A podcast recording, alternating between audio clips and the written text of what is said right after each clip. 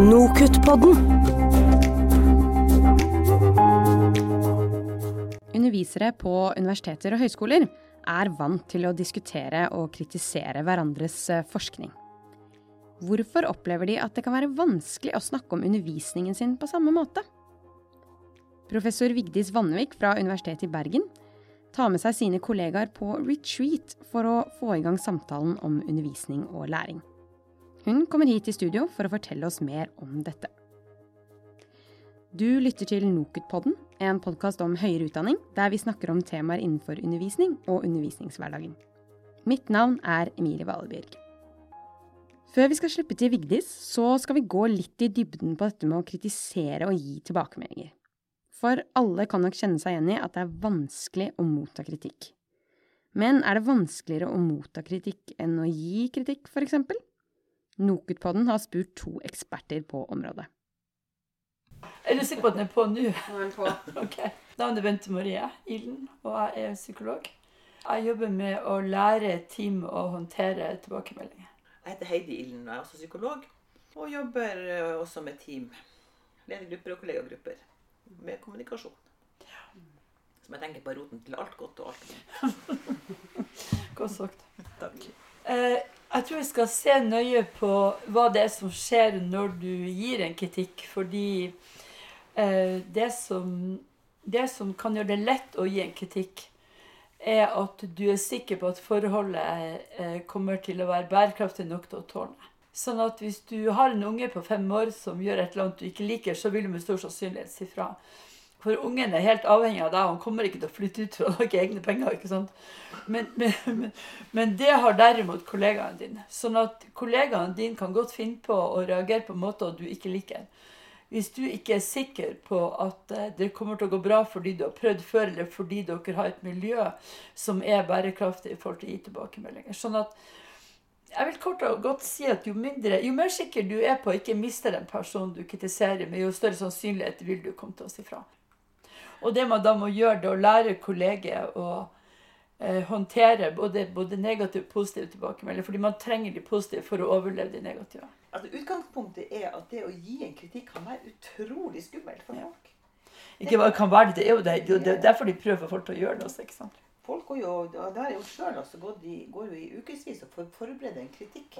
Nå skal jeg gi en kritikk, liksom. Kan du tenke deg hva det koster? Det er veldig nifst å gjøre det, hvis du har bestemt deg for det. Vi- Jeg syns ofte at vi snakker om kritikk som litt sånn der Å ja, men det, det er jo så greit å gi, liksom. Du, og, men, men det å få det som et problem, men faktisk det å gi en kritikk kan være kjempeskummelt. Eh, Sånn at, eh, at, eh, at den den som gir kritikk, trenger kanskje også å få høre at wow, nå var du veldig tydelig.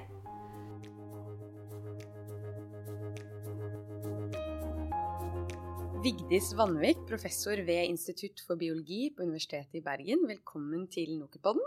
Takk skal du ha. Hvordan håndterer du kritikk, tenker du selv? Altså, nå har jeg veldig lyst til å si at jeg er kjempegod på det, da, men, eh, men det er jeg jo ikke. Jeg gjør vel som de, som de fleste andre, tenker jeg. Og med en gang noen kritiserer meg, så går jeg litt i forsvar. Eh, Men jeg prøver jo å øve meg på å holde det forsvaret litt sånn innvortes før jeg, før jeg buser ut med det. Ja, sånn telle, telle Telle- til ti og tenke seg om og Ja, de tingene der. For Mm. klart at kritikk er jo alt, det, er sånn, det er jo slitsomt å få, men det er jo også sånn, det er jo et uttrykk for interesse fra Mm. motparten. Mm. Og det sa jeg motparten.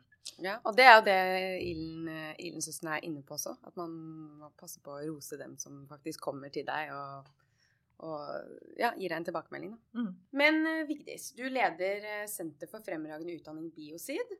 Dere har eh, gjort et skikkelig stykke arbeid rett og slett på å få opp utdanning til diskusjon blant undervisere. Grunnen til at vi har invitert deg hit i dag, er fordi vi vet at eh, du har en teori, eller rett og slett kanskje et svar på hvorfor undervisere syns det er så vanskelig å snakke om egen og andres eh, undervisning.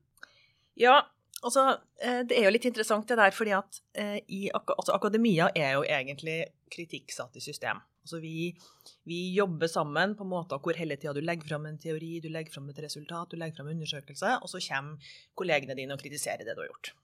Så på forskning så er vi kjempegode på det. Men når det kommer til undervisningssida av jobben vår, så er vi plutselig helt annerledes. Der er det veldig vanskelig både å gi og ta imot kritikk.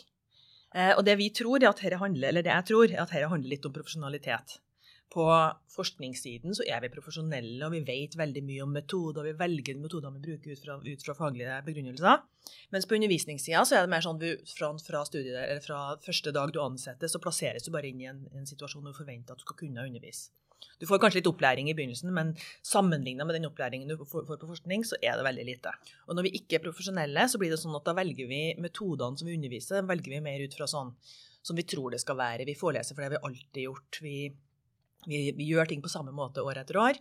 Og så blir det sånn at når du får kritikk, Hvis du får kritikk på det, så fordi at du på en måte ikke har valgt metoden så veldig bevisst, men bare gjør det, så føles også, også en sånn kritikken føles mye mer personlig. Altså, du, du, kritikken går ikke på fagligheten min, men den går på meg som person. Ja. Og det er mye vanskeligere å takle. Så det vi kan ta ut av det du har sagt nå, er ikke det nødvendigvis at man er, man er veldig vant til å motta og få kritikk i akademia, ja. men det føles uvant og litt skummelt på undervisning. Og at, uh, ja, at, det er en sånn veldig stor forskjell mellom forskning og, forskning og undervisning. Mm. Men så kom dere, da, Biosid, og startet en liten uh, revolusjon ved Universitetet i Bergen. Kanskje er det mange som vil si.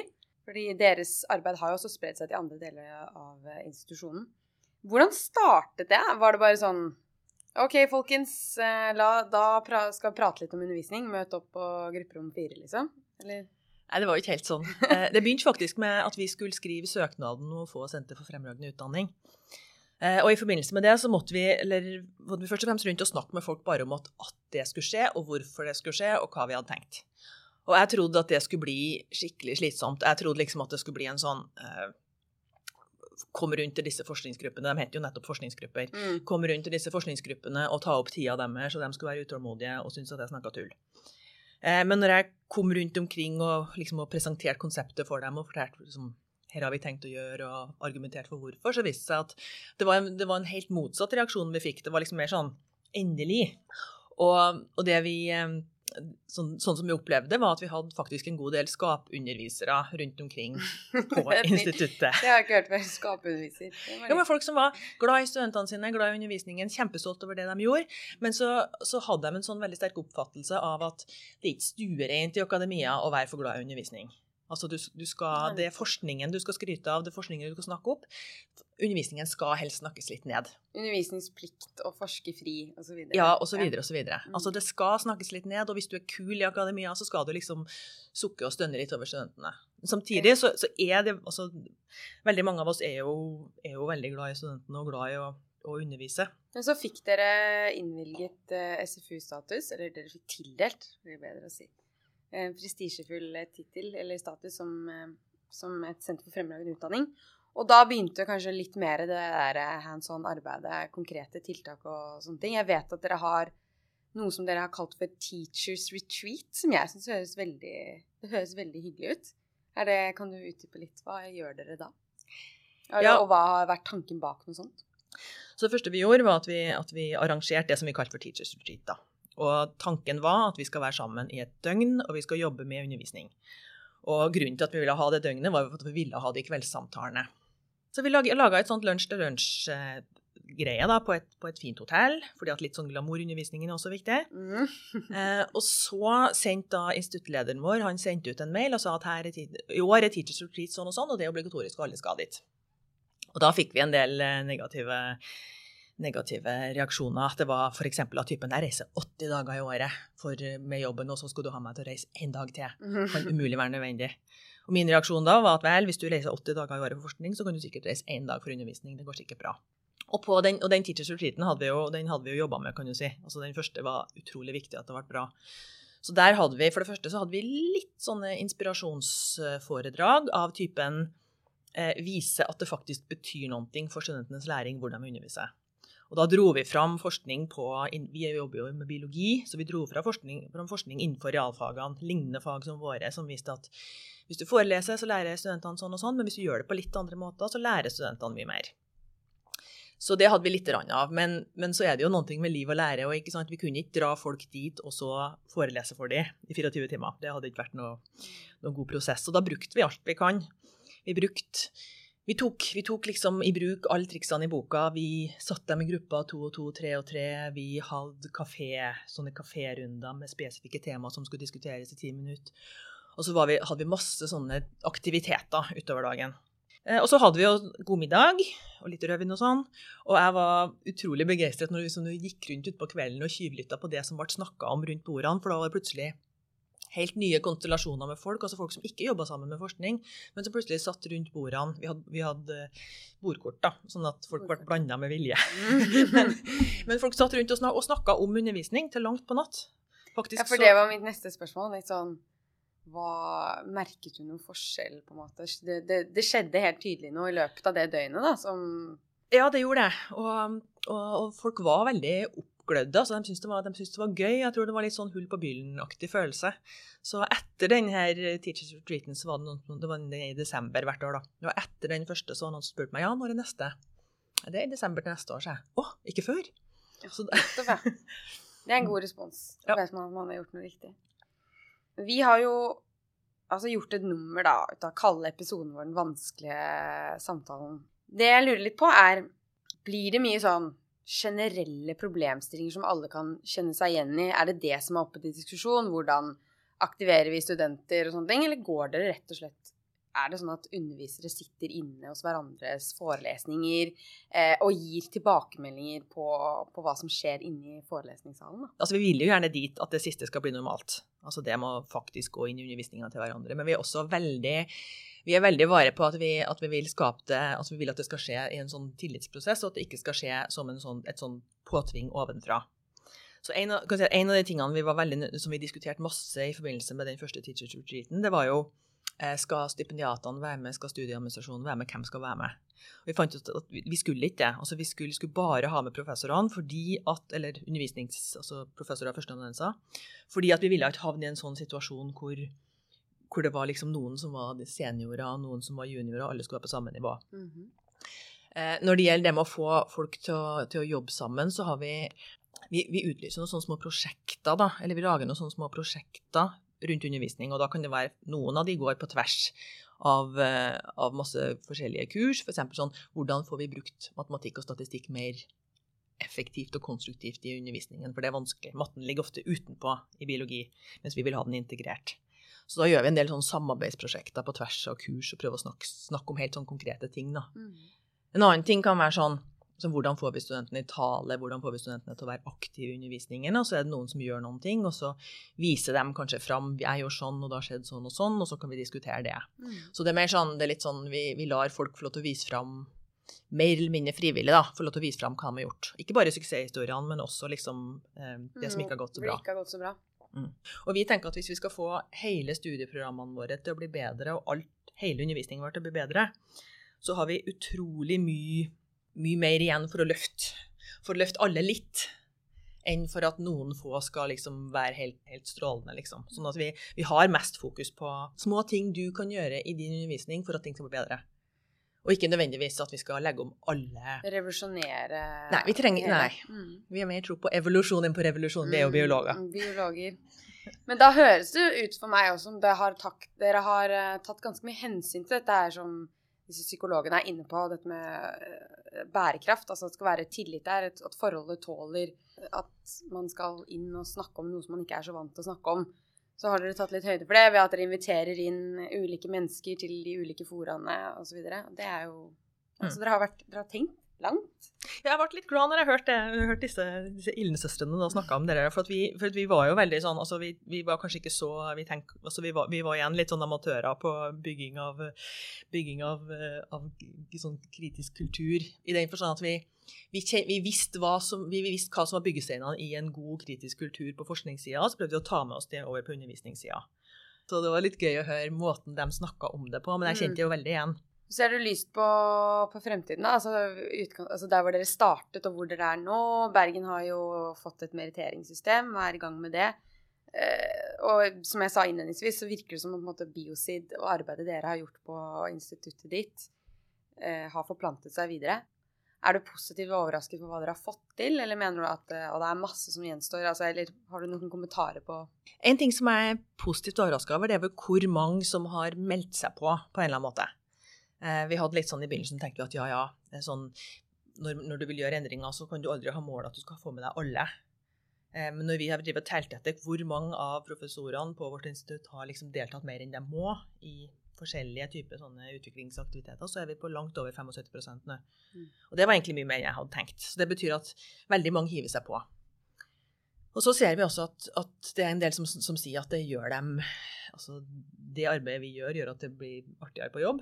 Det syns vi er bra. Mm. Mindre, mindre ensomt. Litt, altså, vi har veldig mye press på forskningen. ikke sant? Undervisningen er faktisk litt altså Hvis vi gjør undervisningen til et fellesskapsprosjekt, så kan det være en veldig sånn bra, bra arena for, for, eh, for, god kollegialitet. da, Og det opplever vi at det har skjedd.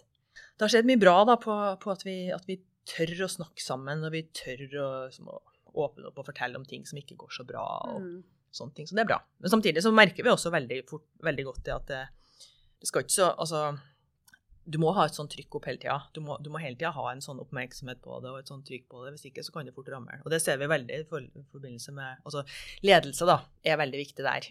Mm. Eh, fordi at eh, det vi ser, er at, at, at hva ledelsen kommuniserer og En ting er det de sier, men en annen ting er det de gjør. Altså hvor går, hvor går pengene, hvor går ressursene, hvor går oppmerksomheten? Hva er det ledelsen snakker om når de skal snakke om viktige ting? Det har utrolig mye å si. Det sitter kanskje noen der ute nå og tenker Jeg vil også prøve å få i gang samtalen med mine kollegaer. Hva er dine tips for en som på en måte kanskje starter litt på scratch? Eh, Hvis jeg skal ha en sånn fem, fempunktsrakett, da, så kan jeg si det første som, eh, som man må gjøre, er at man må, man må inspirere. Man må, ha, man må ha en grunn. Altså, du må ha en grunn til å begynne å gjøre noe. Eh, Og for oss så var det å vise fram litt forskning fra ganske nært vårt eget fagfelt, som viser at undervisningsmetoder og hvordan du jobber med studentene, har noe å si. Eh, og liksom det å Punkt nummer to, da, som å, å vise en vei. Altså å vise hva kan vi gjøre helt konkret. Og det for oss var jo det det med å, å, å begynne å bruke litt av den der forskermetodikken på undervisning, og begynne å jobbe sammen på samme måte på, på, på undervisning som på forskning. var liksom sånn, sånn skal vi gjøre det. Ha en par sånne, helt sånne enkle metoder. Sånn skal vi gjøre det, sånn skal vi jobbe sammen. Et sånt tredje punkt, og det handler jo veldig, altså det er jo henta fra undervisningen, det er at vi, vi kommer ingen vei hvis vi bare snakker om ting. Vi er nødt til å engasjere de som altså vi må ha, Akkurat som vi skal ha studentaktiv undervisning, så må vi ha en professoraktiv eh, undervisningsutvikling. Det må være folk, altså Professorene sjøl må, må gjøre det. Du kan ikke komme utenfra og tre noen ting innpå. Det må, eller du kan ikke komme utenfra og tre, tre en forandring ned over kollegiet og si at nå skal dere gjøre sånn og sånn. Vi må være med å utvikle det og være med å gjøre jobben sjøl. Så det med små, sånn som allerede på den første samlingen vår, at folk satt ned rundt bord og jobba med hvordan skal vi gjøre dette. Kanskje de fikk noen ressurser, men de, de jobba sjøl. Mm. Det er veldig viktig.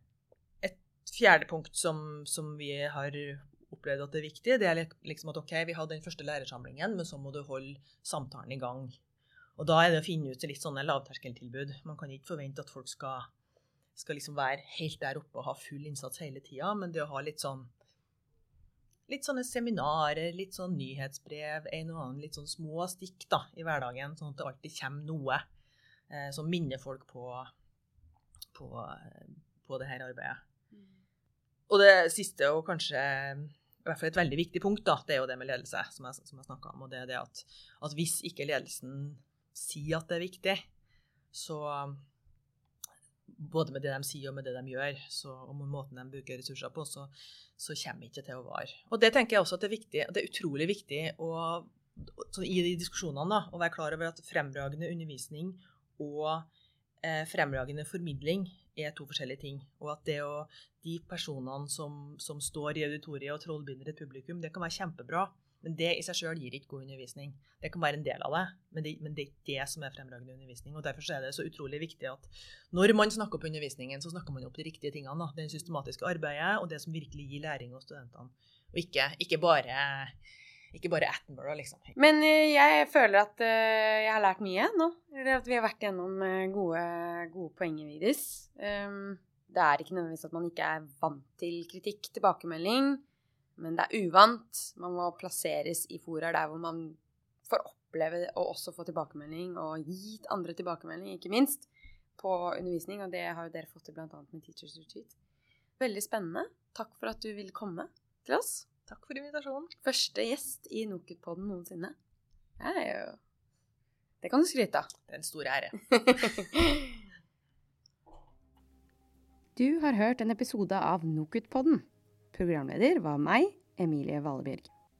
Tilbakemeldinger, ris og ros kan gis på NOKUT sin Facebook-side. Vi høres! Nokutpodden.